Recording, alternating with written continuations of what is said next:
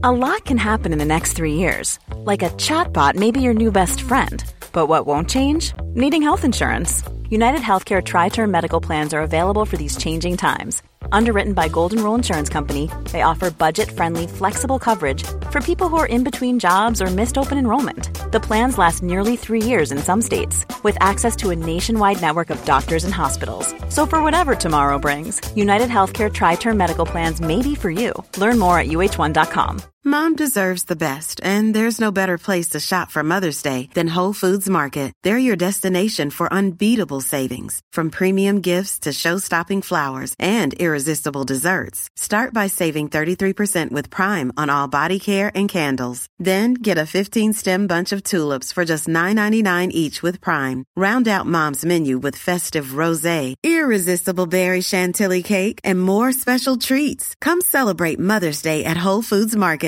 There's never been a faster or easier way to start your weight loss journey than with PlushCare. PlushCare accepts most insurance plans and gives you online access to board-certified physicians who can prescribe FDA-approved weight loss medications like Wigovi and Zepbound for those who qualify. Take charge of your health and speak with a board-certified physician about a weight loss plan that's right for you. Get started today at plushcare.com slash weight loss. That's plushcare.com slash weight loss. plushcare.com slash weight loss.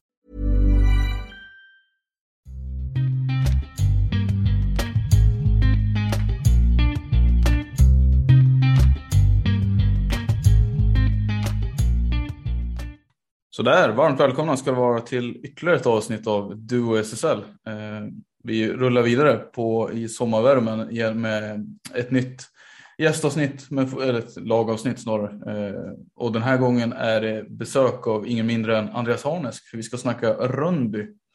Eh, välkommen till podden. Tack så jättemycket, kul att vara med. Hur är läget med dig nu i, fan det är sista juni vi spelar in det här. Ja men exakt, Nej, men läget är kanon. Precis kom hem från träning med laget i det känns ju som att det är 30 grader i hallen och alla svetter bara ringer som en sprayflaskor och försöker kyla ner oss. Och så, så att, äh, läget är bra. Är du med?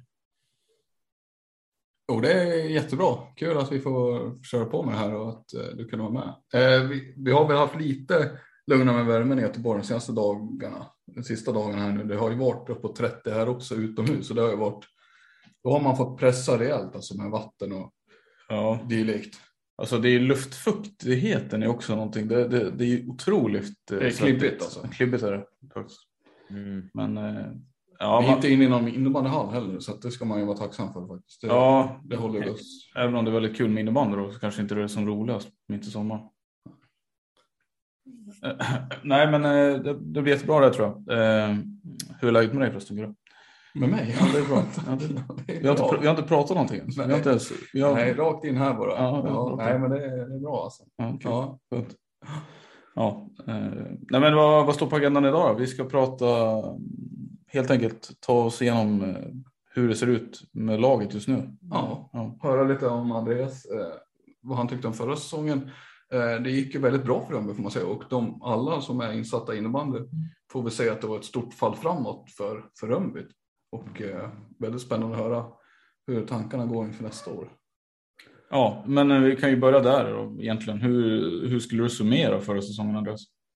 Vi, vi är väldigt nöjda. Vi jobbar väldigt hårt för att vi, vi ska försöka en process där vi arbetar oss uppåt mot, mot toppen och, och försöka bli bra och skapa mästarkvaliteter på saker. Vi, vi tycker väl att vi tog stora steg och var nöjda med vår insats förra året och vår utveckling.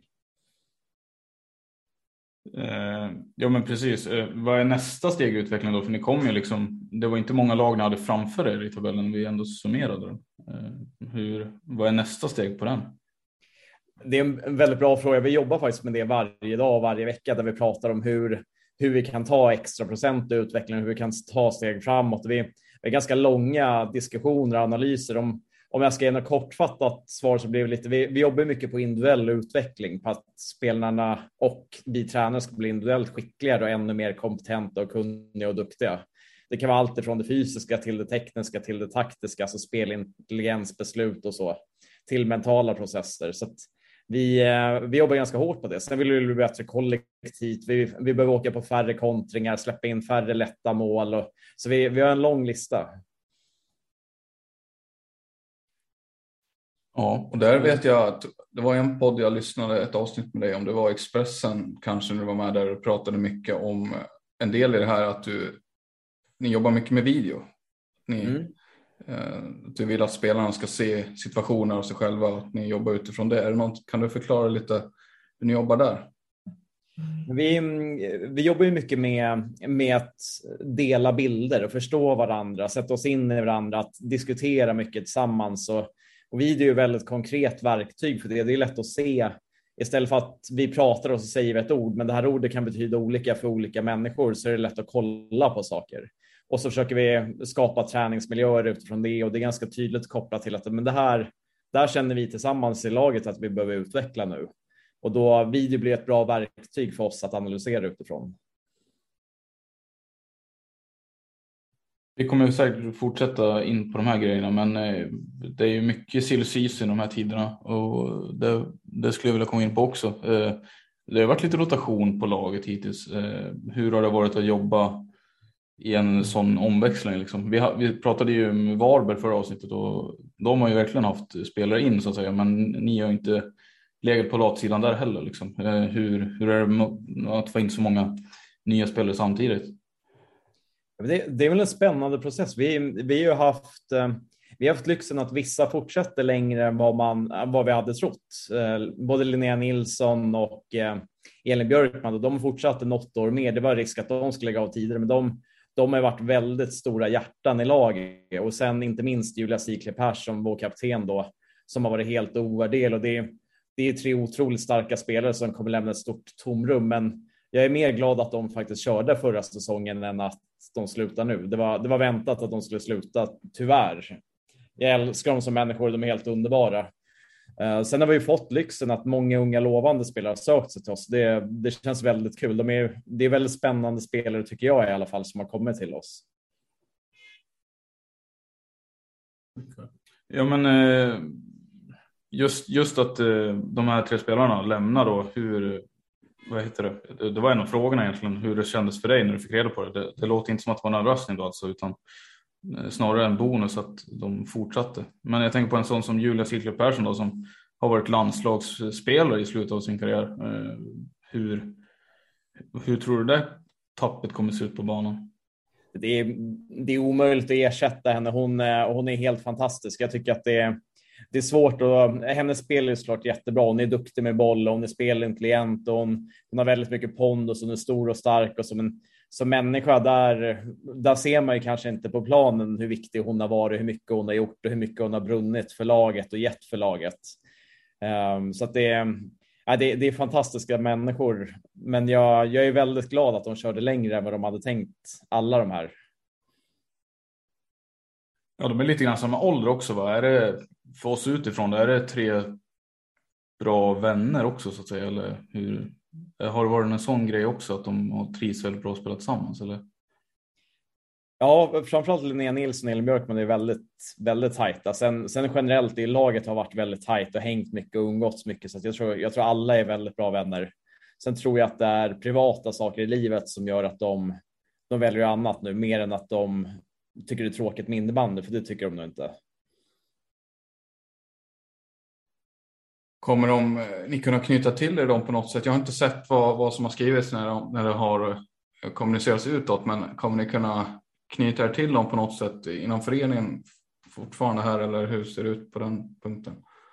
Just det är en grej som jag tror mycket på också, som vi i föreningen gillar. Vi har ju de här tre tjejerna till exempel. Jag tror Julia kommer nog flytta förmodligen. Uh, och hon, hon, har ju pendlat mycket från Linköping. Hennes pojkvän har bott där mestadels. Och så, så hon, hon har gjort enorma uppoffringar på privatlivet i flera år nu. Uh, även om han har, han har ju ställt upp pojkvännen Petter där. Uh, men Linnea och Elin Björkman, de bor i Västerås, så jag tror att får de bara ett litet break från innebandy så hoppas jag absolut att de kan vara involverade det, verkar ju läggas mycket betoning på just människan också i gruppen. Det ser man också när, man, när ni presenterar spelare och sådär. Hur, eh, vad, vad, kan du säga om de som har kommit in då? Eh, det är ju många spännande namn och liksom en del utifrån sett, inte bara från SSL. Eh, Mm. Vad, vilka namn är det som... Jag förstår att alla namn kittlar dig, liksom, men är det något särskilt du skulle vilja lyfta fram av de här? Det är precis som du säger, alla de här kittlar ju verkligen. Jag tycker att det, vi, har varit, vi har försökt vara väldigt noggranna med vilka spelare vi tar in. Att de, de ska göra skillnad. Vi kollar väldigt mycket på att det ska vara bra människor. De ska vara gärna vinnarskallar. De ska vara väldigt ambitiösa och målmedvetna, men, men också bra att ha en grupp socialt trevliga, snälla, fina, omtänksamma får vara hur unika och hur speciella som helst, bara de är, bara de är schyssta personer. Um, och, och, så vet ju, vi har varit väldigt, jag är väldigt tydlig med att vi är ett lag för spelare som satsar och som vill någonstans och som vill utvecklas. Vill man, vill man träna tre gånger per vecka och latcha lite, då, då respekterar vi det och jag respekterar verkligen det, men då tror jag att det finns roligare lag att vara i för dem. Så att vi är ett lag som satsar och vi är ett lag som häng, spelarna hänger mycket utanför också.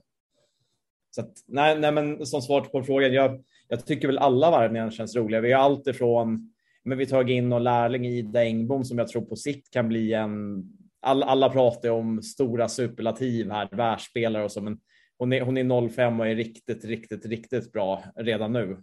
Men kanske är mer lite för att komma in i SSL-tempot i år för att kanske nästa år då börja slå igenom. Sen har vi Monica Schmid, målvakt som är 32 år gammal och spelar i spelar Schweiz och vunnit här och vill ha en ny tennis. Så det är, det är spännande profiler på helt olika sätt tycker jag.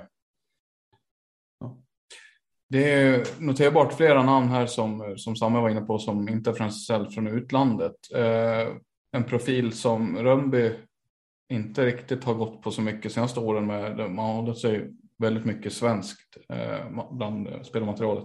Är det medvetet spår ni har gått på där? Ja, vi, eh, det har inte spelat så stor roll vilket land man har varit från eller var man har varit ifrån och ålder har inte heller spelat så mycket roll. Däremot personlighet har spelat väldigt mycket roll. Sofia Mittentag från Finland, där letade vi efter. Vi ville ha en writer som var väldigt, väldigt bra och väldigt ambitiös och som vi hoppas kan slå igenom på sikt. Eh, jag, jag är av den skolan att man ska ha minst en writer per femma helst. Det, det tycker jag är skönare i alla fall. Det ger lite fler alternativ. Och hon är öst in poäng i finska ligan. Hon är väldigt ambitiös och driven. Och I Sverige så har ju, det finns bra, många bra writer, men de flesta spelar ju Torén eller Pixbo till exempel, eller hos oss. Sen finns det några till såklart. Men det är svår, svårt att värva writer i Sverige som är riktigt, riktigt bra. Ja, alltså Torens, det kan man ju prata om. Alltså, det, de har ju samlat halva, halva SSL i, alltså i form av writer. Mm. Så känns det. Mm. Men det här innebär ju då att du kan ställa upp med Jonna Sjöberg, Vilma Johansson och Sofia Mittentag. Äh, mm. Tre vänsterforwards då. Är det så det tänkt att se ut? Liksom? Eller? Ja, ja alltså jag, jag tror att eh, Vilma skulle säkert kunna gå centrum. Behövs och Jonna kan nog gå både högerforward och back. Om det behövs mitten han kan gå högerforward. Men vi, jag har väl tänkt, det, det förändras och vi får se vad som händer och ser ut på försäsongen. Men min plan är väl att testa om vi kan få tre bra femmer och ehm, alltså tre femmer som kan producera och göra mål. Så ja, men då är tanken att de tre ska spela i varsin femma. Det är ju en skaplig uppställning i så fall om man får utdelning på det, att det, att det blir den effekten är den som du söker. Då, då är det hyfsad uppställning. Då. Det är inte många lag som, som kan skryta med tre ja, bra det, rightade mm. vänsterforwards. Det är väl det som kännetecknar topplag, att man har oftast tre bra femmer. Eh, kanske en, alltså där den första är mycket bättre, men det ska vara tre Alltså producerande ja, femmor. Titta på Torena Pixbo, då är, det, då är det det som gäller om man ska gå på det såklart. Eh, det mm. har det ju faktiskt, just det. Men, ja. mm. En annan värvning som har varit ganska omskriven är Sagan Tell från Nacka. Eh, hur kan du säga någonting om henne som inte redan är sagt? ja, det, det, har ju varit en, det har varit en spelare jag har brunnit för att vi ska få hit väldigt länge. Vi, vi har ju letat spelskickliga centrar som är tvåvägscentra, bra med boll, bra utan boll och som har väldigt stor potential. Vi bygger mycket på att ja, men, ha skicklighet där. Och där. Eh, där har vi haft lite ungt och lovande tider och så har vi haft Mira Wickman som, som jag håller väldigt högt redan. Så Saga Emtell, hon kommer bli viktig för oss. Jag tror väldigt mycket på henne. Hon har ju, hon har en blick för spelet som är helt fantastisk. Ja, just Mira Wickman kan man ju prata, kan, skulle man kunna prata lite om. Eh, hur ser det ut med henne? Har hon kontrakt över nästa år eller är det ett längre avtal? Nej. Ja.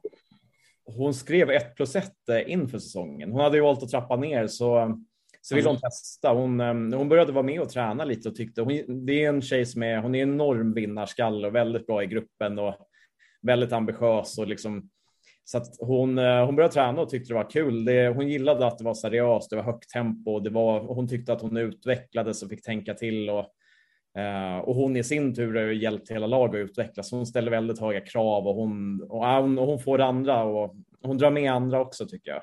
Så hon, hon skrev ett plus ett så att och nu är hon ju med i finska landslaget och tränar också. Hon kör extra fysik utöver vår fys för att bli ännu snabbare och spänstigare så att ja, det, hon kan nog bli väldigt bra nästa säsong.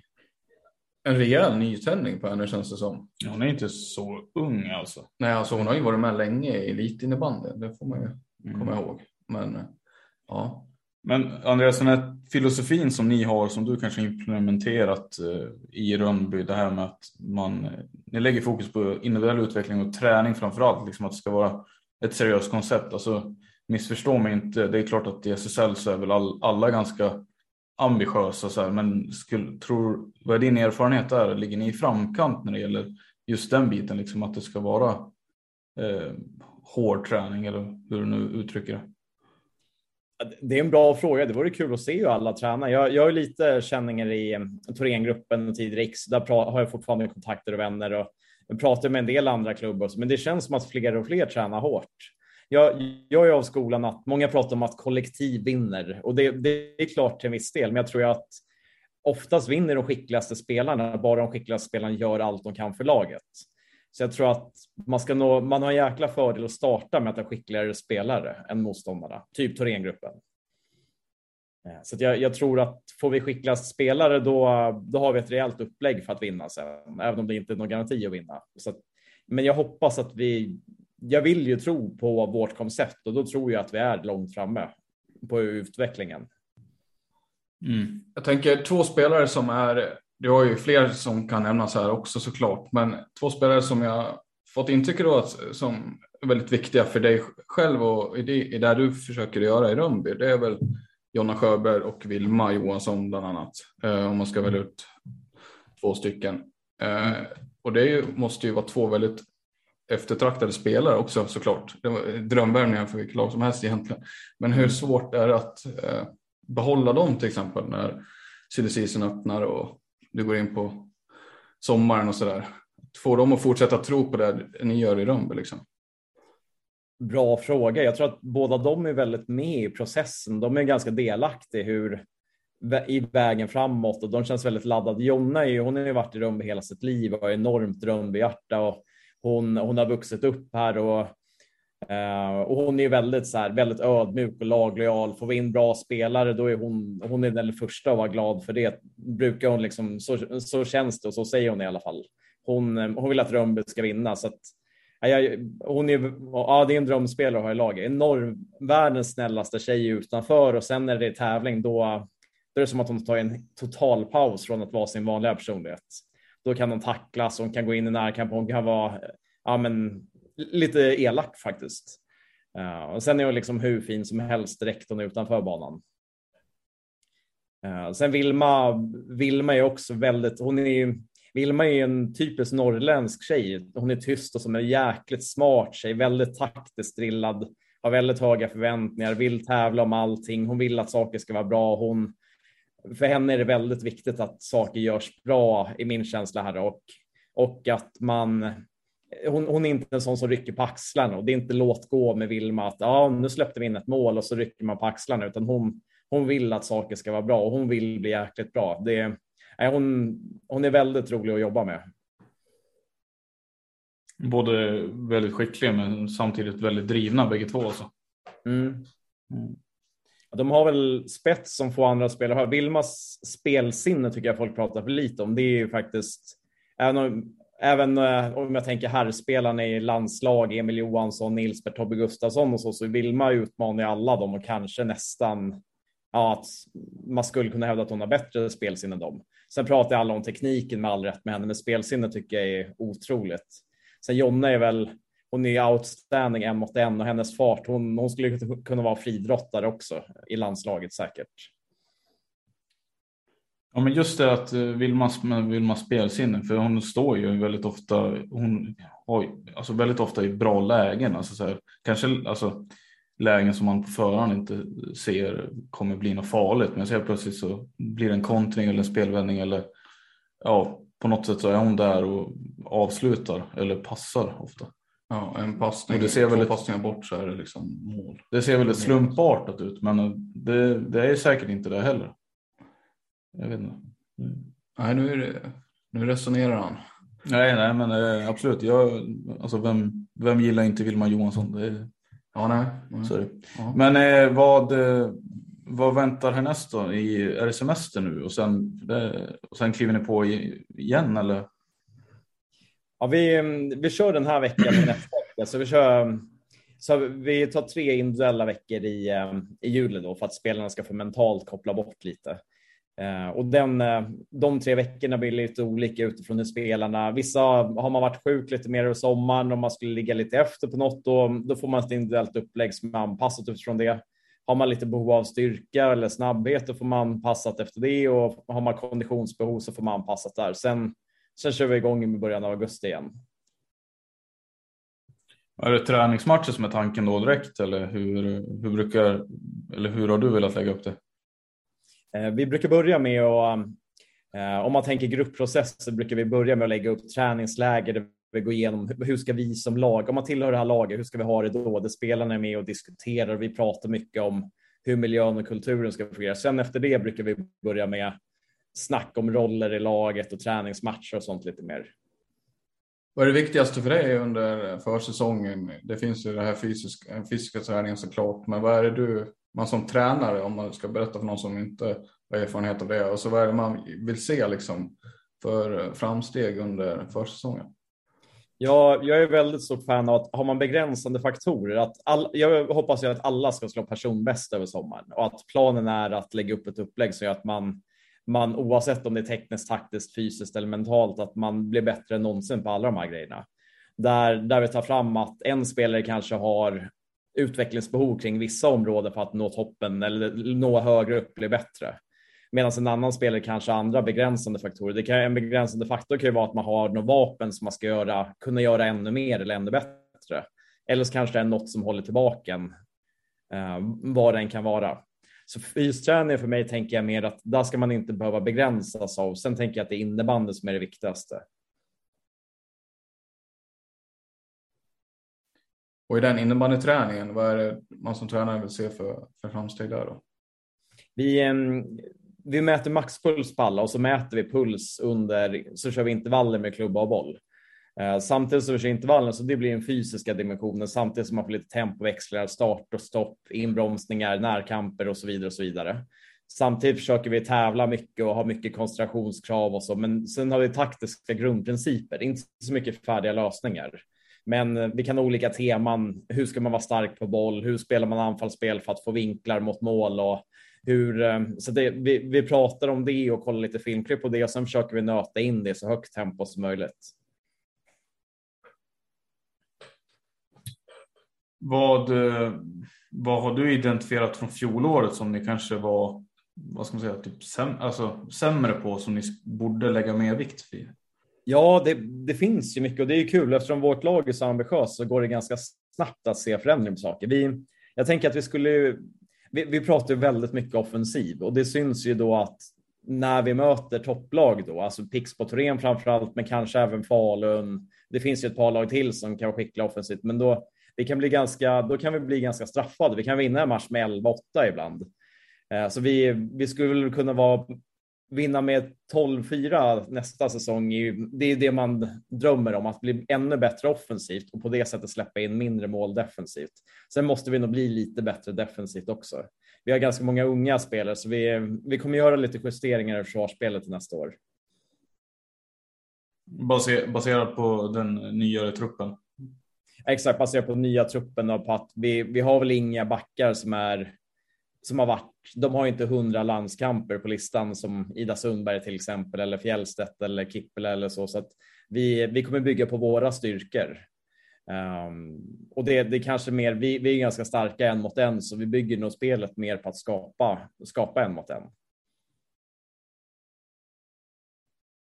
Ehm, en snackis jag tänkte på från fjolåret i och för sig som kanske inte riktigt, jag vet inte om det hör ihop med det, men en sån som Kajsa Johansson gjorde ju ganska mycket succé tycker jag eh, tillsammans med Mira Wickman och Vilma Johansson. Eh, hur Eh, vad ser du henne nästa säsong? För det tycker jag är en spelare som vi borde prata mer om. Mm. Ja, det är kul att du säger det. Jag, jag, tycker att det är en av världens mest underskattade innebandyspelare. Hon, hon har väl ändå blivit lite uppskattad och folk tycker hon är bra och så. Hon, men hon är för ung för att vara med i damlandslaget, men kapacitetsmässigt så håller väl jag henne som att hon absolut skulle vara med i damlandslaget. Uh, I alla fall på fyra högerforwards. Jag tycker hon är, uh, hon, hennes spelsinne är ju helt fantastiskt bra. Hon är grymt bra med klubba och boll. Hon skjuter som en häst. Hon är bra defensivt. Hon, nej, hon har verkligen en ljus framtid. Det var inga små ord. Nej, eh, Eh, det kan man inte säga. Men jag tänker för henne, en sån ung spelare som eh, gått så bra. Jag vet att hon inledde ju såklart som, som många gör jättebra under hösten. Sen kanske rent poängmässigt så mattades hon väl av en del under våren och sådär. Eh, och vad det beror på vet man inte. Men svår, finns det några svårigheter för en sån spelare som har gått så bra så snabbt och så tidigt ändå i sin karriär? Nu kanske man det ska liksom studsa tillbaka och visa att det liksom inte är någon one, vad säger man, one time hit. Nej, det var inte bara ett bra år liksom. Utan, att han är på riktigt. Mm. Finns det några svårigheter där som du ser som tränare? Ja, det är en väldigt berättigad fråga tycker jag. Det är, det beror nog mycket på personlighet och det, jag tror att vi runt omkring är viktiga. Folk är bra på att ta ner Kajsa på jorden. Hon, hon är en väldigt skön personlighet som går runt och skjuter bollar i rumpan på Mira Wickman och alla andra. Liksom. Så hon, hon retar gallfeber folk. Så att, och de, de är inte sena på att ge igen om hon latar sig på planen eller om hon inte gör sitt. Uh, sen är ju Kajsa, hon, hon är ju den tjejen som skulle kolla, hon kollar ju varenda träning på film, hon analyserar varje match, hon sitter och kollar varenda byte, hon sitter och kollar hur andra spelare gör hon står och skjuter extra så att hon är ganska. Jag, jag, tror ju, jag hoppas att det bara är början på resan på henne, men jag tycker också att ibland kan det vara att framförallt om man fokuserar utanför sin process för mycket på vad andra tycker och tänker, för mycket resultat, för mycket poäng. Då, då skulle det kunna bli en liten svacka och det tror jag kan vara naturligt att det kanske kommer för henne. Um, men i slutändan tror jag att hon kommer vara ännu bättre nästa år när vi är inne på henne och pratar lite så här, ja, det är genombrottsspelare kanske. Du lyfter fram Ida Engbom här förut. Eh, och det kanske är lite tidigt för henne då, men om det är någon som kan få ett litet genombrott kommande säsong, vem skulle det vara? Vi, ehm, vi, har, vi behöver ju få högerforward som slår igenom. Om, jag, om vi räknar att Kajsa, Vilma, Jonna och de här har slagit igenom så, så hoppas jag att Linnea Hammar, Agnes Hellström eller Johanna Hjelm på högerforwarden skulle kunna slå igenom det känns som att det borde kunna vara dags för Hammar nu. Det känns som att hon börjar få ordning på livet runt omkring och hon, hon känns mentalt som att hon börjar bli fasstark nu. Hon, hon har ju väldigt mycket i sig tycker jag. Um, så att också en väldigt ambitiös och bra tjej. Så Hammar, Hammar hoppas jag mycket på. Um, sen tror jag väl egentligen Vanessa Keppertova från Tjeckien hoppas jag också väldigt mycket på. Ehm, uh, MTL vet jag inte om vi räknar att hon har slagit igenom. Lite halvt va? Ja, lite halvt skulle jag också säga. Men jag får ju, det är väl mest bara beröm, men eh, jag vet inte vad du tycker som men högersidan. Du nämner Johanna Hjelm, Hammar såklart, Linnea och Agnes Hellström. Jag tycker det är, en, det är mycket talang såklart, men det är också, jag tycker en sån som Johanna Hjelm tog stora kliv fram förra året och var väldigt nyttig för er stundom. Vad är din mm. bild av, vad är din bild av henne och, och, och de tjejerna där? Det är ju mycket talang så det, de mm. har ju en lång väg. Det är inte Emily Wibron den nivån såklart vi pratar om, men det finns ju mycket talang där som skulle kunna bli riktigt bra. Mm. Jag, jag håller med helt och det, det är väl just det. Hur, hur tar de nästa steg så att de börjar liksom ta sig upp mot Vibrons nivå och förbi den? Det är, om vi nu nämner Vibron som kanske bästa högerforwarden i världen um, tillsammans de, med Gustafsson kanske. Och... De är inte etablerade än liksom fullt ut på det sättet, utan det finns ju potential kvar där som inte riktigt har kanske kommit ut. Eller så. Jag tänker. Men eh, en reflektion är ju bara helt enkelt att det finns ju väldigt många unga spelare som gullas av där vi kan vänta oss. Eller man borde kunna vänta sig alltså, Steg framåt. Steg framåt Ja. och med tanke på hur, Rönnby, hur ni landade i fjol i tabellen och hur det såg ut stundtals. Även om du var inne på att det kanske blir lite för mycket mål bakåt sådär, men så det är ju ett väldigt spännande projekt alltså att se var den här talangen liksom, om det slår ihop som det, som det kan göra. Hur långt det tar er då, med andra ord. Ja, ja men så är det ju faktiskt. Det är, så tycker jag. Det är en bra blandning av etablerade och väldigt alltså, unga, unga lovande spelare. Absolut. Det, Och jag tror, utan att vi har pratat ihop oss, så är vi väl båda överens om att vår gissning någonstans var, var Rönnby kommer hamna nästa år. Alltså i tabellen då. rent. Och sen slutspelet får man ju se. Men, ja, men, absolut. men Andreas, eh, vi återkommer till det, jag och Samuel ganska mycket i den här podden, men vi tycker det är ganska kul att prata om det också. Men just eh, eh, ni har ju närmat er, får man väl säga, på ganska, ganska mycket. Och du har ju full insyn på vissa sätt i, i de lagen kanske, eller viss insyn i alla fall. Men, men Pixbo Torén och det de har gjort och byggt upp under lång tid. De, de spelar ju i en egen liga, får man väl säga ja, än så länge. än så länge. Men jag gissar att det känns som du går igång extremt mycket på att faktiskt göra allvar av att någon gång kunna kliva förbi dem. Det finns ju inte jättemånga lag som i dagsläget, jag och Samme kanske är överens om att säga att det finns ju inte jättemånga lag som faktiskt är i närheten av att ens kunna säga någonting sånt, att man har den ambitionen. Det är, inte, Nej. det är inte trovärdigt om någon annan tränare kanske skulle säga det, men det känns som du går igång väldigt mycket på det. Att kunna hota där bakom. Ja, men det, jo, verkligen. Det är, drömmen är ju såklart att vara bäst. Det är jätteroligt att vara bäst och vinna guld och liksom så. Det är, det är riktigt härligt. Jag har haft förmånen att vara med i X, då, om vi kallar Thorengruppen nya namnet på X då. Men så jag vet ju hur ambitiösa de är och hur hårt de har tränat över lång tid där uppe och de, de har ju så höga förväntningar på spelarna och kravprofilen är på en helt annan nivå än vad många andra lag har. Allt ifrån fysvärden, folk Folk går inte in på planen och har dåliga fysvärden där. Det är det som sitter i deras DNA. Då stannar man kvar och tränar efter tränaren tills man har löst uppgiften.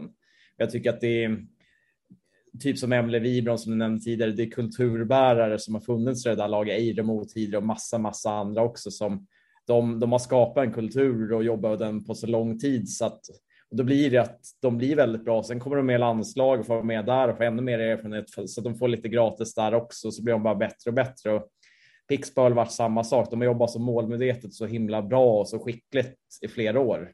Jag, jag tycker det är väldigt inspirerande för alla andra att, att de finns och hur de för innebandyn framåt. Sen, sen kring oss så väljer vi att vi, vi vill ju sikta jättehögt och vi fokuserar på vår process att hur ska vi maximera vår utveckling och vi försöker ha väldigt höga förväntningar på oss själva. Även om jag vi sätter inte upp något tidsmål att vi ska vinna SM-guld, utan vi pratar ju om att vi behöver lära oss de här sakerna just nu för att vi ska bli riktigt, riktigt bra. Sen tänker jag också, det, det finns ju tillfällen då man inte behöver, alltså Täby vann ju SM-guld för ett par år sedan utan att för den sakens skull ta över taktpinnen. Liksom. Eh, Sådana tillfällen kan ju komma. Eh, eh, Men, eh, det här känns ju verkligen som ett långsiktigt eh, projekt. Ja, Ja, Rönnby, absolut. ja, Ja, så absolut. Det är något annat. Vad säger du om eh, ambitionerna? Du tittar kanske inte jättemycket på andra lag då, lät det lite som, men jag tänker på våra nykomlingar. Det är ändå intressant att höra, du som har så lång erfarenhet ändå inom in- elitinnebandyn och daminnebandyn. Eh, Kalmarsund som kommer upp nu, Åkersberga, kan du säga någonting om dem? Om du har någon upp, intryck vad de håller på med? Mm. Ja, jag, kan försöka, absolut. Det, känslan är väl att det är ganska starka nykomlingar. Va? Jag vet inte vad ni känner. Kalmarsund absolut, Åkersberga har sett alldeles för dåligt. Jag har jättedålig koll på Åkersberga faktiskt, så att jag vet inte där, men Kalmarsund absolut. Ja, precis. Ja, samma här. Åkersberga har sett alldeles för lite av. Eh, Men eh, de gick ju väldigt bra i serien, väl, antar jag. Ja, alltså, ja, ja de, som. sen slog de ut Tälje som vann allsvenskan där, så det var ju lite ändå en liten överraskning kanske. Sådär. Men eh, nej, men eh, mycket talang i Åkersberga. Mm. De har ju värvat ganska bra. Ja, de har värvat bra, men de har ju gått upp till SSL med talanger framförallt. Ja, det har de gjort. Eh, Men om man ser på dem nu menar jag, så då är det väl en stark nykomling med tanke på truppen de har. mm. Men eh, ja, det blir intressant att se vilka lag. Det är svårt att säga nu vilka som ska brottas nere. Men... men jag hörde någon sån här skräcksiffra, eller skräcksiffra Andreas, men när vi pratade med Åkersberga så berättade han att de hade inte, jag vet inte om det var på grund av hallen, alltså halvtider och sådär, men de hade inte möjlighet att, de hade kört två träningar under säsong i veckan. Eh, mm. Det låter ju som helt otroligt att man kan gå upp till högsta serien bara på det. Och det är väl, jag förstår att det är ett stort hopp mellan allsvenskan och SSL, men eh, det lät, det lät ganska otroligt när han sa det. det. Det ska väl egentligen inte gå att träna. Jag antar att de säkert har kört mycket fys utöver det och de har väl de har haft många unga spelare som spelar extra, kanske JAS-matcher och kanske extra så liksom tränar på det sättet antar jag. Nu, nu spekulerar jag bara. Eh, så att jag, det, det, blir nog att de har mycket mer än deras två träningar och en match gissar på. Annars tror jag det är svårt att bli så bra. Det är väl inget bra exempel för innebandyn då man kan träna två gånger per vecka och gå upp till SSL. Det, det är väl inte vad vi vill ha om vi ska driva sporten framåt så. Nej, nej, det, nej så är det. Du har, du har rätt. Det, så är det alldeles säkerligen att deras unga spelar. Så är det. det. Men nu får de en ny arena, Åkersberga, om jag har förstått det rätt, och som kommer att stå klar och det innebär väl att de kommer få lite andra förutsättningar när det gäller den biten. Hur känns det med innebandyn i Västerås tycker du? Västerås är ju, var ju väl förr i alla fall en av de klassiska innebandystäderna. Sen hur ser det ut i, 2022 att bedriva elitinnebandy tycker du i den stan? Jättebra faktiskt. Vi, ehm, eh, staden har gett en ny arena med två stycken fullstora hallar med ehm, bara innebandygolv och liksom egna omklädningsrum och konferenssalar och stora läktare och så, så att, och eh, gym och allt möjligt där. Så att, ja, det, den hallen är ju kanon och det, hallarna tidigare var inte bra i Västerås. Det var strävt golv, det var halt golv. Ni vet, man springer och så glider man runt som att det är såpabana och då, då anpassade de sig och backade hem och kontra och så skickade de en topp då som gick i djupled och man slog lite långa bollar på den typ så här. Så att innebandy blev väl inte så modern i Västerås då ett tag. Alltså, nej, nu, nu ser det faktiskt jättebra ut. Hur är det jämfört med dina tidigare erfarenheter i innebandy Sverige, dels Thorengruppen men också de andra eh, du har haft med dig? Eh, om du jämför det med Rönnby som du är i dagsläget, hur är det att eh, träna och verka liksom i, i den föreningen jämfört med de andra? Tänker du rent föreningen då eller tänker du staden runt omkring eller? Ja, ja men föreningen tänker jag då. Mm. Så det är något som är um, något som är väldigt härligt med Rum är att det är väldigt familjärt och väldigt mycket omtänksamma människor och det uh, det kan vara ordförande som tar hand om spelare hemma hos sig och lagar middag och lagledare och sånt. Det är mycket människor som jobbar gratis Mom deserves the best, and there's no better place to shop for Mother's Day than Whole Foods Market. They're your destination for unbeatable savings, from premium gifts to show-stopping flowers and irresistible desserts. Start by saving 33% with Prime on all body care and candles. Then get a 15-stem bunch of tulips for just $9.99 each with Prime. Round out Mom's menu with festive rosé, irresistible berry chantilly cake, and more special treats. Come celebrate Mother's Day at Whole Foods Market. Mother's Day is around the corner. Find the perfect gift for the mom in your life with a stunning piece of jewelry from Blue Nile. From timeless pearls to dazzling gemstones, Blue Nile has something she'll adore. Need it fast? Most items can ship overnight. Plus, enjoy guaranteed free shipping and returns. Don't miss our special Mother's Day deals. Save big on the season's most beautiful trends. For a limited time, get up to 50% off by going to BlueNile.com. That's också ideellt och ställer upp och de vill att folk ska må bra och de, de bryr sig om människor och de, eh, det är väldigt, väldigt socialt och väldigt inkluderande och det är mycket, mycket hänga gemensamt och väldigt, man kommer in i hallen och alla hälsar på alla och sånt. Så det, atmosfären är väldigt trevlig i rummet skulle jag säga. Ehm, sen har det blivit, nu har ju Pelle Mårts kommit in och han bidrar ju med om de andra är väldigt familjära och trevliga så är Pelle Mårts väldigt omtänksam på ett helt annat sätt. Han är väldigt kravställande och kompetent och driftig och men en otroligt godhjärtad människa samtidigt. Jag kan inte berätta om det, för det, det är väldigt intressant att höra hur en hockeylegendar som honom ändå har klivit in i innebanden och, och Rönnby. Hur gick det till egentligen? Det, det började med han, han såg matcher förut och när jag fick höra det så så frågade jag om någon hade hans nummer och till slut fick jag det och så ringde jag upp honom och kollade om han ville snacka och bolla ledarskap. Så efter det så började han och jag prata. Vi, vi har massa diskussioner om talangutveckling, hur man ska träna och vi, vi vrider och vänder på massa stenar och han, han är otroligt smart. Han, han sitter och kollar träningen och så skriver han med anteckningsblock alla möjliga saker. Så bara, Andreas, jag tänkte på det här. Uh, och då kan det vara allt ifrån att ja, men det var en ledare som inte hade Rönnby-logga på sig. Vad tänker du kring det, och det men det är så här, han, han är riktigt smart och riktigt begåvad och det kan vara liksom, ja, men kroppsspråket här på dig Andreas eller på den spelaren. Och, alltså han, han lägger märke till saker. Uh, Öga för detaljer. Ja, ja jättebra. Alltså det, han är väldigt, även om han är så smart och begåvad, så ibland om jag nu mot förmodan lyckas säga någonting smart och då, då kan han gå hem och så kommer han tillbaka. Ja, men Andreas, jag tänkte bra, du har fan rätt, så här är det ju. Och då har han liksom, han har jobbat hela livet så kan han, så han är väldigt nyfiken och väldigt sugen på att lära sig och väldigt sugen på att lära andra också. Väldigt bra människa att ha med sig tycker jag. Ja, men hur fungerar det under säsong? Är det som du beskriver just nu eller alltså är det så att följer han med på matcher också eller? Vad är tanken där då? Nej, vi, han, eh, han har väl varit med i något som kallas någon form av sportslig grupp. Det har varit nu på slutet han, Johan Köckeritz, Susanne Eriksson som är ordförande då. Köckeritz var ju tränare tillsammans med mig och även tränare i AS och så har det varit jag i den gruppen. Så han, han är med där och sen, sen är väl han och jag, han har varit helt fantastiskt bollplank till mig, men han, han är aldrig att han träffar tjejerna i lag. Han har gjort det en gång och då har det mer varit jag som bett om det. Han tycker inte att folk utifrån ska komma in i laget vilket jag i och för sig förstår. Det, det finns psykologi som stödjer det, att det kan röra till och ta, ta in för mycket människor utifrån. Så att han, eh, han är väldigt mycket i bakgrunden och verkar väldigt, ordet prestigelös vet jag inte exakt vad det betyder, men han, han är ju verkligen så att han behöver inte synas och höras. Han, han gillar att göra saker tillsammans med andra och gillar att driva processer framåt. Ja, det låter jättespännande faktiskt. Mm. Uh, men det är också ett samarbete som kommer fortsätta då framöver här. För det vet jag inte om vi har klarlagt. Nej, vi har inte, nej, det har inte gjort. Men han kommer vara med er under säsongerna som kommer då?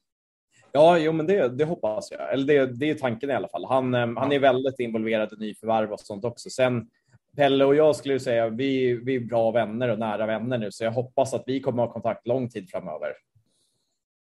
Ja, häftigt. häftigt. Jag tänker på en annan hockey, eller en, alltså en hockeyperson är väl också ett löst begrepp, liksom. men en person som är starkt förknippad med hockey det är Karlstads killars eh, tränare Peter Nordström. Eh, mm. Som har, jag vet inte om, sen han tog över liksom, hur man ska säga hur det har gått för Karlstad. alltså, det har, ju... det har ju gått eh, bra på olika sätt, eller vad ska ja. säga? det har gått bra på vissa sätt. Och... Det var lite turbulens där ett tag, men skeppet styrde sig åt rätt håll. På de tog sig ändå till SSL-kval. Ja, det gjorde de. Förlorade mot Gävle i playoff 2, så jag menar de, de var ju så nära SSL man kan komma utan att gå upp. Ja, men... Så att på sport, det har ju någonting bra har han gjort där. Då. Fler hockeypersoner kanske ska in i innebandyn. Jag vet inte. Det är väl det jag försöker komma fram till. Att det, uppenbarligen så har de någonting att bidra med. Ja. ja. Det, det var spännande. Följde du den grejen förresten? Ja, faktiskt. Jag följde lite grann. Det, ja. Ville Nilsson är alltid show och så. Karlstad är spännande med hockeypersoner. Vad, vad är det ni tänker som gör hockeypersoner spännande i? Ja, men att det är. Det är ju alltså har en bakgrund som spelare, eh, vilket både jag och Gustav har inom hockeyn också, så alltså det finns ju likheter att, ut, att utöva liksom och har du Eh, jag tror du har, du har lättare att förstå, förstå liksom sporten än vad någon annan kanske har som bara har sysslat med och du har väl lite andra perspektiv mot en renodlad innebandytänkare kanske. Eh, så. Ja, men ja, sen är likheter det, det är ju fem mot fem spel och sådär och klubba, klubba och boll om man ska säga. Ja, på en begränsad yta. Samma lag, alltså det är, det är, vad är det, 15 till 20 spelare liksom som ska man ska forma och liksom coacha och, och där. Och innebandy omklädningsrum skiljer sig väl inte i sig så mycket från ett hockey omklädningsrum. Det är väl, jag tänker på liksom jargongmässigt. Och...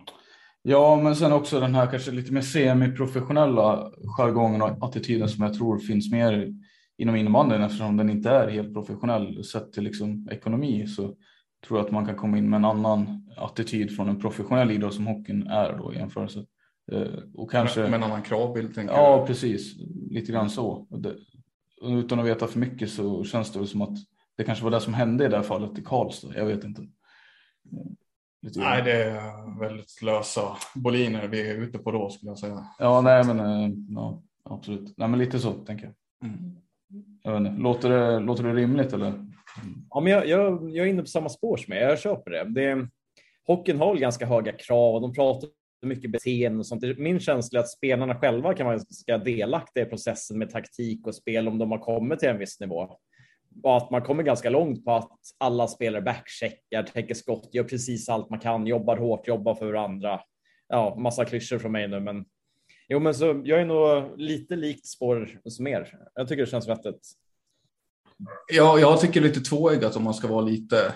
Det handlar väl om hur man ser på det. Jag tycker det känns lite märkligt. Visst att det finns många likheter med sporterna, men det känns också första instinkt, reaktionen jag hade när Peter Nordström skulle gå in i Karlstad, det känns lite så här, jaha, nu ska han in liksom och visa lillebror i Karlstad IB för man liksom, Jaha. Mm. ja, Mm. jag vet inte. Jag var lite skeptisk första instinkten där, men sen, ja, det finns ju också mycket att lära tror jag och mycket likheter där som sagt, så att man får se konstruktivt på det, men jag tycker det känns lite knepigt att personer från andra sporter som har sysslat med andra sporter hela sitt liv liksom ska komma in och tro att de kan utveckla innebandyn framåt på en, på en sån hög nivå som Karlstad och allsvenskan ändå är. Liksom. Det, det, Ja, det, sen, det känns lite, inte provocerande är fel ord, men det känns lite problematiskt att det kan komma in personer från helt andra, eller från andra idrotter som inte har sysslat med innebandy i någon större utsträckning och liksom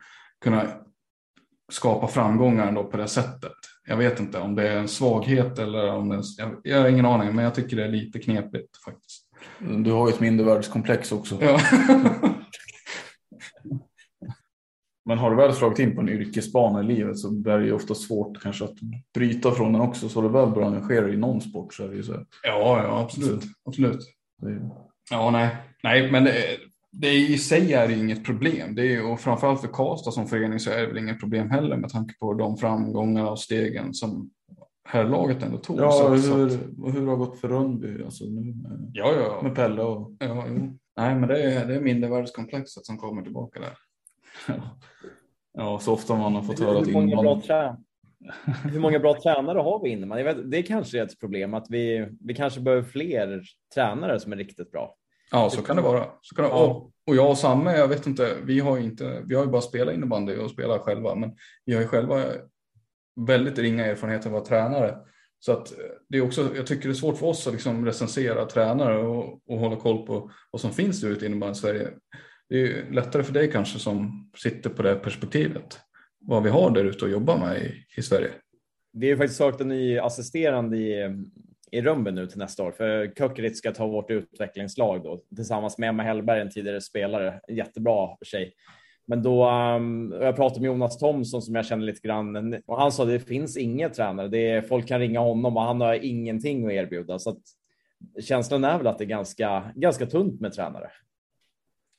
Ja, och då, och då är jag helt eh, inne på det du säger också, att det, det är också ett problem såklart. Att, eh, vi behöver Men hur ser det ut med återväxten då? För jag, det finns väl ändå ett par killar i, eller ja nu säger jag killar just för att det väl kanske på den sidan jag känner innebandy mest också. Men eh, alltså i lägre nivåer, alltså vad heter han som tog upp Hovslätt nu då? Var det Max Gustafsson? Heter han, ja precis.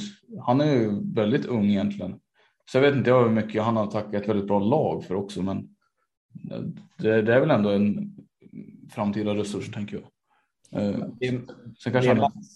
Jag känner ju faktiskt Max. Max är, han är unik på det sättet att han, han ringde mig förut och frågade om vi kunde bolla innebandy så hade han massa frågor. Då vet jag att då har han ringt alltså ett gäng tränare och han och jag började prata. Och, så jag vet att Max är, han är väldigt driftig. Han söker kunskap och jag tror att det krävs nog för att bli riktigt bra. Alltså att man, att man vill utvecklas och lära sig. Eh, lite grann som för spelare såklart då, antar jag. Att man kanske inte bara ska... Eh, jag tänker på det här med som, eh, som spelarmodellen och sånt som har varit inom innebandyförbundet. Hur, alltså, hur, eh, ja, men hur man ska träna och hur man ska, eh, alltså det, det finns väl en sån modell för tränare också, eh, om jag inte är helt ute och cyklar. Ingen aning, det vet Andreas bäst av oss i så fall. Tänker ni guldsteg för eller tänker ni den här, eller förlåt? Nej, jag... på, yngre, på yngre nivå tänker jag snarare. Hur alltså, man är som ledare? Va? Ledarutbildningarna? Alltså. Ja, exakt. De här ledarutbildningarna, alltså lägger man för mycket fokus på sådana grejer snarare än att, jag vet inte. Eh, jag vet inte vad jag försöker komma med det, men eh, det är så här hur mycket. För inom fotbollen då till exempel, om vi ska ta det, att du, mm. då behöver du licenser för att kunna träna bättre och bättre lag. Liksom. Men jag vet inte exakt hur det fungerar i innebandyn, men det är inte på riktigt på samma sätt. Eh, utan där går väl typ någon utbildning och sen så är du klar liksom från början. Har du eller du har jättebra koll på det här. Ser du någon liksom, anledning till att det, annan anledning till att det finns så få tränare? Men jag, jag, tror att det, det kan nog ligga mycket där. Innebandyn är en ny sport och tränarutbildningen har ju allt ifrån när Risberg kom in och där det började utvecklas mycket. Nu har Andrea Hjelmåker kommit in och tagit in massa experter. Sofia Andersson jobbar på förbundet som är väldigt kompetent och jag, jag hade en väldigt liten roll i att ut, utveckla innebandyn tillsammans med Niklas Nordén och Per Tjusberg där de verkligen gjorde mer än mig. Mm. Uh, vi, vi pratade innebandy så hade de en målvaktstränardel, ledarskapsdel och så. så det, det, det, är ju fortfarande ett arbete under utveckling skulle jag säga. Nu, nu är det min personliga känsla, men att innebandytränarutbildningen är, de går framåt, men det är fortfarande en bra bit kvar tycker jag.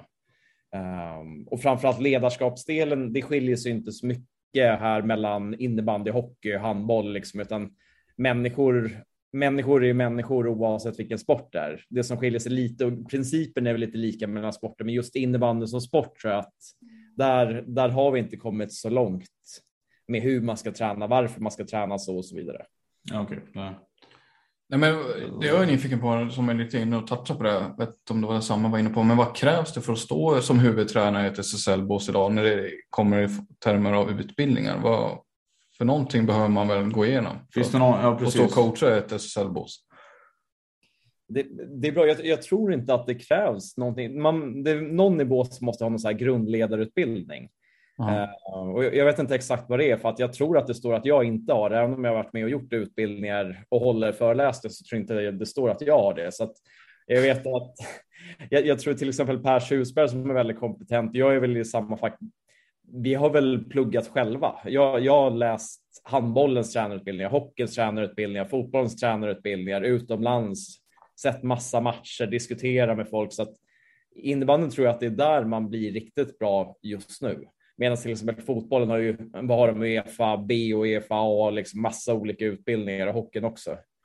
Eh, jag tror inte att vi har något krav på att man måste ha läst en utbildning för att få coacha SSL, inte just nu i alla fall. Så, så rent teoretiskt kan man ju plocka in en kille från gatan liksom och mm. ja, Rönnby saknar en uh, matchcoach till uh, ikväll så kan du komma loss från ja, jobbet. Men om, så... men om man ska vara den då måste det vara så att vi ska ha massor av steg för att för att, för att man ska kunna coacha lag? Eller hur ser du på det? Då? Alltså måste det vara så att det ska finnas en tröskel för det? Eller, eller en fördel för innebandyn så som ser ut idag med att man kan ja, komma runt det på något sätt och inte behöver liksom gå igenom de här stegen? Ja, jag, jag vet.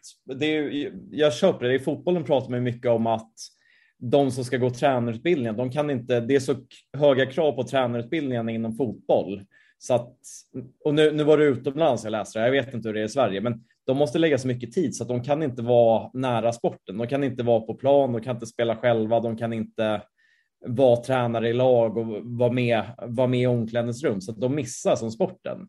Och då, då blir tränarutbildningen något negativt upplever de. Jag vet till exempel Johan Cruyff pratade om det till exempel förut, att det var, det var för mycket krav på utbildningar, för lite på kompetens och erfarenhet. Och det, det facket vill jag också i att det är väl kompetens och kunnighet som är det viktiga på något sätt. Mm. Jag tycker när vi ändå börjar prata och rabbla upp lite namn så finns det ju ändå en hel del namn. Eh, jag tänker på Per Tjusberg, Niklas Nordén, du själv. Eh, David Gillek verkar ju vara en... Kotten. Ja. Kotten. Så det finns ju namn men det kanske är för, för dåligt djup ändå på de tränare vi har. Ja. För det är ju mycket samma som går runt också. Andreas, du har ju varit runt ett par föreningar i Sverige och sådär ju. Och, och, andra också som har varit runt en del. Alltså det kanske är lite det också att det går runt, namnen flyttar runt mellan föreningar i viss utsträckning också. Mm. Ja, det, jag tänker på i och med att det inte är professionellt heller så blir det svårare att. Ja, såklart. Det, tror jag, det är väl såklart. Kanske alltså, vi alla tre är överens om också. Det är ett, så länge sporten inte är helt professionell så är det väl en, ett handikapp också i det. Ja. För det finns inte förutsättningar för. Ja, någon gång så måste man ju tänka på tänka på en civil karriär också i någon form. Och, ja, då kanske man inte kan satsa på tränaryrket hur länge som helst. Nej. Just det ni säger nu känns ju som en väldigt stor faktor. Jag hörde ni prata i något tidigare avsnitt om att tjejer lägger av i förtid, vilket har varit ett problem såklart. Uh, och det blir ännu mer tränare där är så mycket kringarbeten. Man ska lägga tid på videoanalys, spelarsamtal. Det är inte bara kom, komma till en träning. Ja, det är massa, massa tid. Kan man, det blir som ett heltidsarbete och mer därtill ofta. Och, och har man inte förutsättningar då, då blir det väldigt krävande. Just det. Just det, och det, nej, det tror jag absolut. Just det du är inne på som tränare för ett SSL-lag, oavsett om det är dam eller herr, men det, det, kräver så mycket mer tid än vad folk faktiskt eh, tror eller tänker på tror jag. Om mm. man ska göra ett bra jobb liksom. Och mm. säga att du är vara anställd på en halvtidstjänst av föreningen. Alltså det förstår man ju själv att det för vissa, för många är det ohållbart att få ihop det med kanske ett civilt jobb vid sidan av och en familj som många har. Det känns ju som absolut, det är övermäktigt för de flesta om man inte har en heltidstjänst inom föreningen man jobbar i. Mm. Men det är ju svårt om det inte finns publikunderlag heller, liksom. alltså hur, hur det här ska rulla framåt, hur det ska bli bättre. Om, om vi inte får fler att gå på matcherna, liksom, om vi ska snitta eh, släktkalas på varje match. Liksom, eller så här, ja. typ, eh, om ingen betalar för det så hur ska vi kunna? Nej men, ja, det är en jättebra fråga och det är väl klart, jag kan tänka mig att Andreas du också har funderat över många gånger, men, men det är lätt också att man blir nedslagen av det och liksom, ja, nej, säger det, man det, cyniskt. Nej men det är, det är också realiteten. Alltså, innebandyn måste ju gå framåt och det kanske den gör rent om man tänker på de här förutsättningarna. Jag vet inte Andreas, du som har varit i sporten lite längre än vad vi har varit. Vad är din bild av? Går, går vi framåt i det här avseendet? Ja, men det, det, är faktiskt min känsla att vi går framåt. Det, det blir, känns som att det blir fler tränare som blir anställda, det blir fler spelare som har ganska bra lön och det är ju inte bara Kalmarsund och Storvreta och Falun och de här klubbarna utan Thorengruppen nu börjar få bra löner och det, Alltså det känns som att folk jobbar med att ge bättre förutsättningar. Vad är det känsla? Ja, men det är det väl. Ja, utåt sett får man säga det. Eh, Kalmarsund har ju enligt sig själva och får se om det. Ja, vi är ju på utsidan så vi har ju inte full insyn, men det, de ger skenet i alla fall av att det, de bidrar och att det har blivit bättre. Och samma är väl Växjö har väl tack vare sina fina fastighetsaffärer Mm. Så en förening som känns som går framåt mm. Eh, och sådär. Ja, precis. Det är, ju, det är svårt. Det är, det är ingen, alltså man har ju ingen insyn i hur, hur det där ser ut egentligen. Eller? Man får, man, det är någon som viskar någonting i ens öra så är man bara jaha okej, fast stämmer det där verkligen? Så är det, det är ofta, ofta Nej, men inte så. Per Wiberg i Kalmarsund till exempel, han, han är inte blyg för att, att berätta om hur de jobbar och hur, hur mycket framåt de vill och, och sådana saker. Och det och, låter ju väldigt bra såklart. Men... Patrik Bäck sa ju att alla i laget har betalt. Vilket får en att tro att okej, okay, så är inte verkligheten för alla SSL-lag. Alltså. Annars skulle han inte säga det. Men... Hur ser det ut i Rönnby på den fronten Andreas? För det är väl inga hemligheter egentligen hur, hur ja, vad Rönnby betalar till spelare? eller, ja. Nej, men vi, vi har väl varit så här hyfsat, alltså kontrakten är såklart privata, individuell basis så. Ja. Sen har vi inte varit så hemlighetsfulla, så vi, vi har väl börjat med att det ska vara bra förutsättningar för alla spelare med att våra spelare får till exempel mat efter matcher, återhämtningsmål efter träning och ska få filmklipp skickat till sig eller, eller träningarna skickat och så. Så att vi börjar med bra förutsättningar, att de ska få allt. De får tvättade kläder, liksom träningskläder och sånt. Um, sen, uh, sen börjar det väl bli att vår styrelse har verkligen hakat på med att vi ska öka förutsättningarna nu. Och, och det sker inte över en natt eller en handvändning. Så, så att, men jag tror väl att det börjar bli fler och fler spelare som har någon form av symbolisk ersättning eller kanske i vissa fall lite mer och att det, det ska upp, liksom, det ska öka. Kul att höra att det rullar liksom i, i rätt riktning då. Eh, fan, jag tänkte haka på det tidigare men vi kom ifrån det tror jag. Eh, Vad tänkte du på?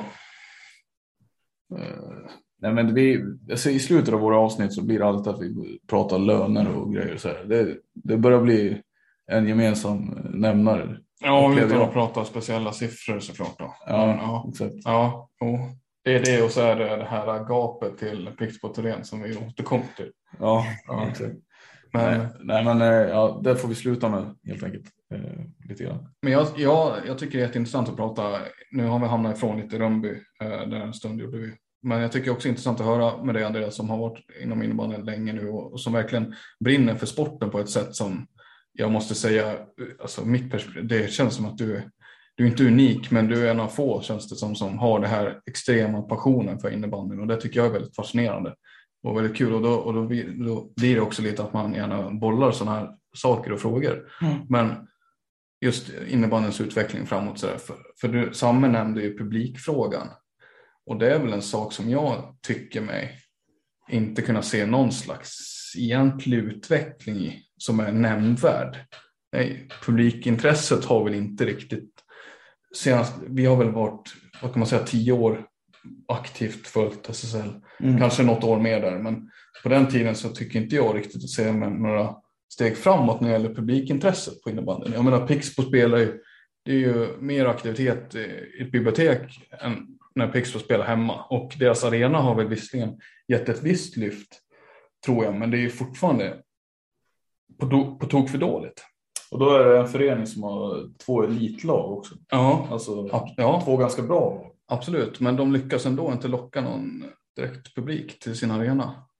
Och det är de inte ensamma om. Jag tycker det är många föreningar som kämpar med det. Mm.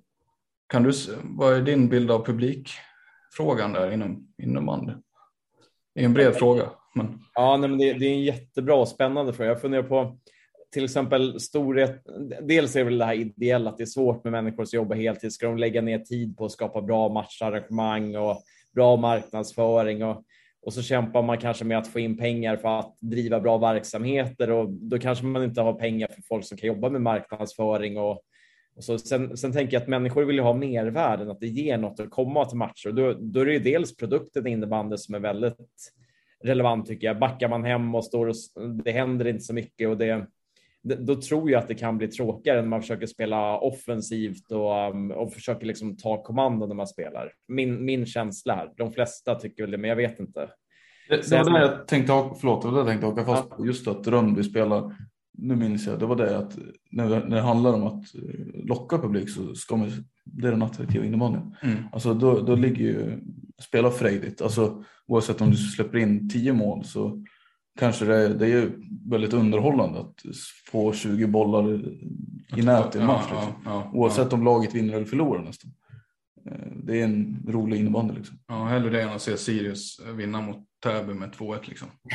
Lite så. Lite så. Ursäkta. Mm.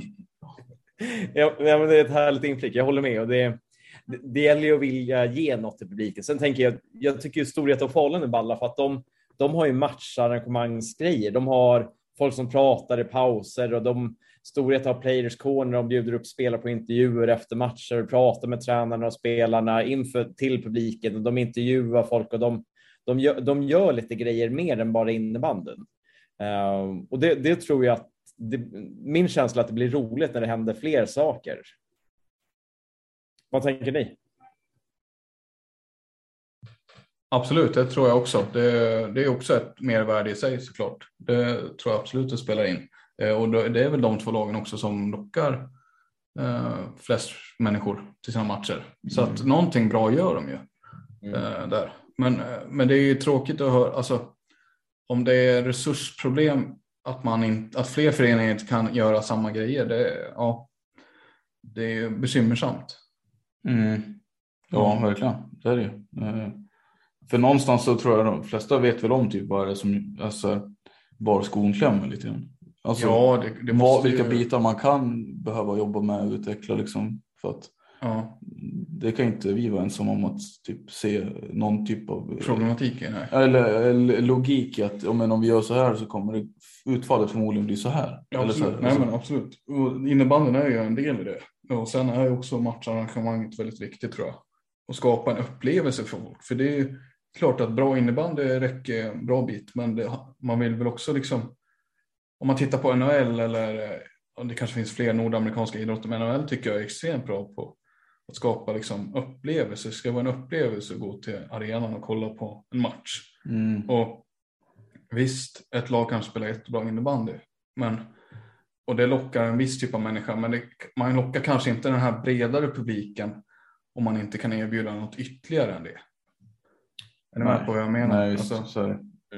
Mm. det är bara innebandyintresserade som kommer. Man kanske vill locka folk som inte riktigt har fastnat i innebandyn och få dem att bli intresserade också. Och, och det är kanske svårt om man inte kan ge något ytterligare än bra innebandy. Mm.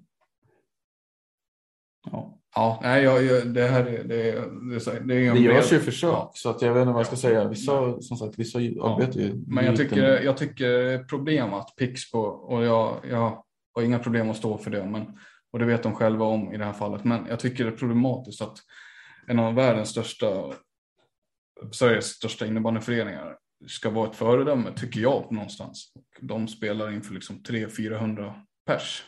Det är en känga till Pixbo. Det är en känga till Pixbo, men jag har inga problem att stå för den. Jag tycker det är ett problem när en av Sveriges största innebandyklubbar. En sak vi inte har pratat om som vi egentligen borde prata om tycker jag när det gäller Andreas, det är ju du vann ju pris förra säsongen. Mm. Mm. Ja. du såg så frågande ut. Så har jag fel i det? han har väntat på att vi ska prata om det ja. avsnittet. Det har tagit oss en timme att komma till. Eh, årets tränare. Ja. Det är stort. Jag, jag blir såklart jätteglad över det. Det, det är väldigt, väldigt roligt. Sen blir jag alltid lite obekväm när fokus hamnar på mig på det sättet. Jag brukar ju alltid prata om vilket jag verkligen tycker. Jag tycker att det blir lagets och spelarnas och de andra tränarnas pris precis lika mycket som mitt pris. Att vi, vi har gjort det tillsammans. Om vårt lag har gått bra, då får jag ta hem priset för det vi tillsammans har gjort. Då. Eh, men det är väldigt, väldigt roligt. Jag är jätteglad för det såklart. Var det en överraskning för dig att det kom? Uh, ja, men man blir alltid överraskad. Jag, jag har fått det två gånger tidigare och jo, jo, men man, absolut. Jag blir överraskad. Du behöver inte vara jätteödmjuk heller nu tycker jag, utan det. Nej, inte om man har fått det innan heller. vilka, gång, vilka lag var du då? Uh, nu är mitt minne som sviker mig lite, men vilka klubbar hade du varit i då när du fick de tidigare Eh, jag tror att det var två år i rad med eh, Mixer faktiskt. Ja, just det. Mm. Mm. Vi, vi hade väldigt bra flow då. Vi gick, jag, jag hade ju tur att komma Nix och hade haft en liten svacka och sen, uh, sen fick vi ett jäkla flow och gjorde mycket mål och slog poängrekord och allt möjligt. Så det, uh, och det, det, är ju lätt att jag, jag får ju ta emot pris med Jocke Sjöström som var sportchef och spelarna som genomgick en total kulturförändring. De, de gjorde ju minst lika mycket som mig tycker jag, men det är. Jag är fortfarande lika glad att ta emot pris såklart.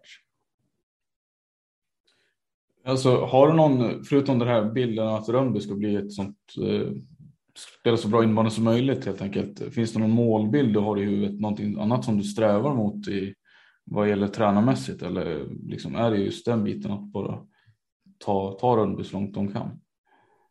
jag, någon gång, eh, jag, jag, skulle gärna vilja hjälpa till att driva sporten framåt på något sätt, att innebandy blir en ännu bättre, roligare, kompetentare, finare sport. Så allt det tycker jag är jätteroligt. Någon gång fundera på att det kanske skulle vara kul att testa att ta något landslag. Det är inget som jag tänker mycket på, det är inget jag känner någon stress över och det, det är inget som jag känner att jag måste, måste bli, men det känns som att någon gång i framtiden så skulle det kunna vara kul. Men just nu vill jag verkligen vara med Rönnby. Har du varit på tapeten? Alltså har du fått någon förfrågan tidigare om U19 eller damherr eller alltså det är ju det här med att svenska tränare tar utländska landslag är också en liten grej. Eh, men jag antar att det är svenska landslaget du tänker på kanske? Uh, ja, eller det, det, är väl. Det är väl klart det, som svensk så är väl svenska landslaget det som känns allra mest spännande.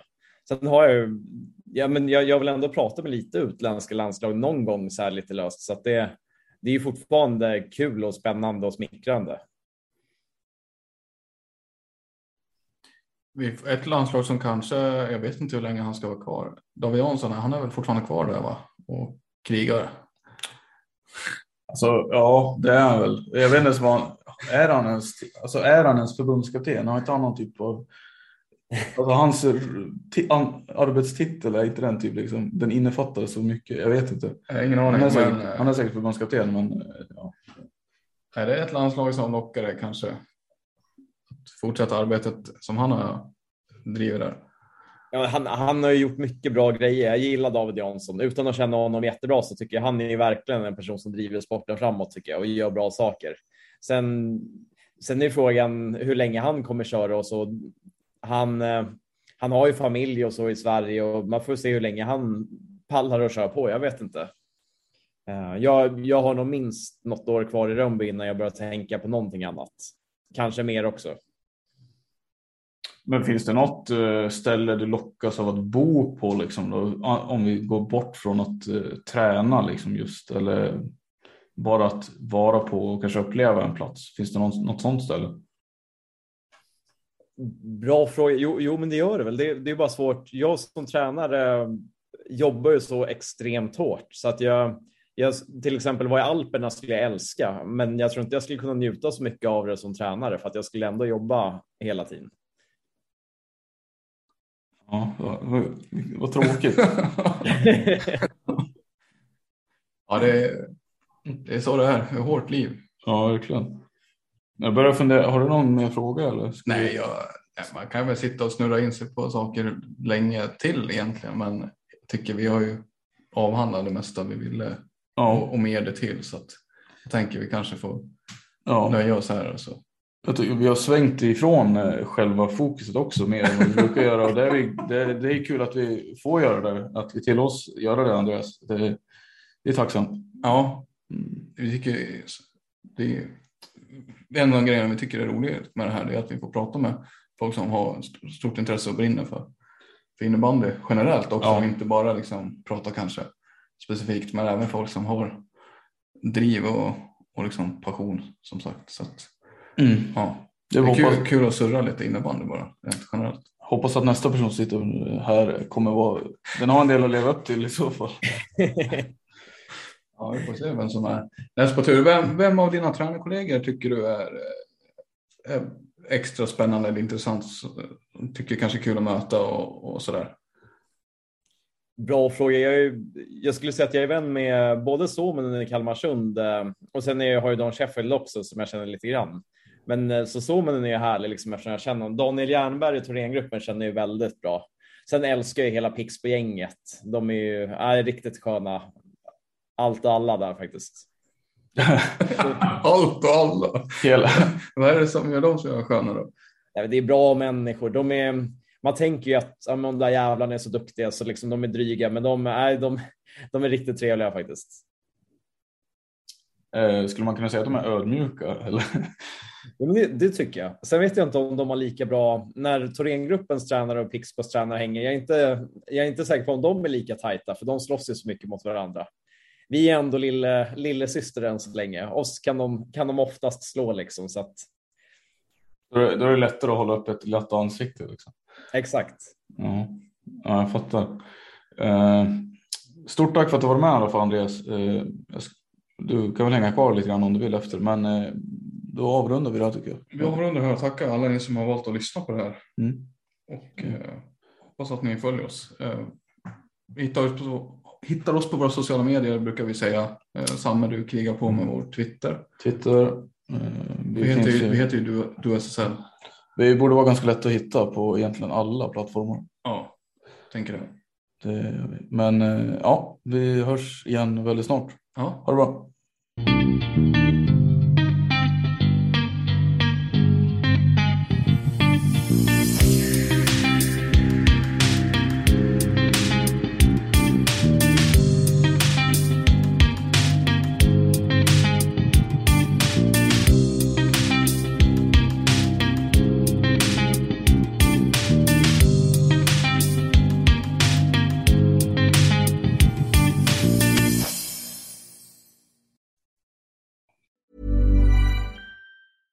Want flexibility? Take yoga. Want flexibility with your health insurance? Check out United Healthcare Insurance Plans. Underwritten by Golden Rule Insurance Company, they offer flexible, budget friendly medical, dental, and vision coverage that may be right for you. More at uh1.com. Mom deserves the best, and there's no better place to shop for Mother's Day than Whole Foods Market. They're your destination for unbeatable savings, from premium gifts to show-stopping flowers and irresistible desserts. Start by saving 33% with Prime on all body care and candles. Then get a 15-stem bunch of tulips for just $9.99 each with Prime. Round out Mom's menu with festive rosé, irresistible berry chantilly cake, and more special treats. Come celebrate Mother's Day at Whole Foods Market.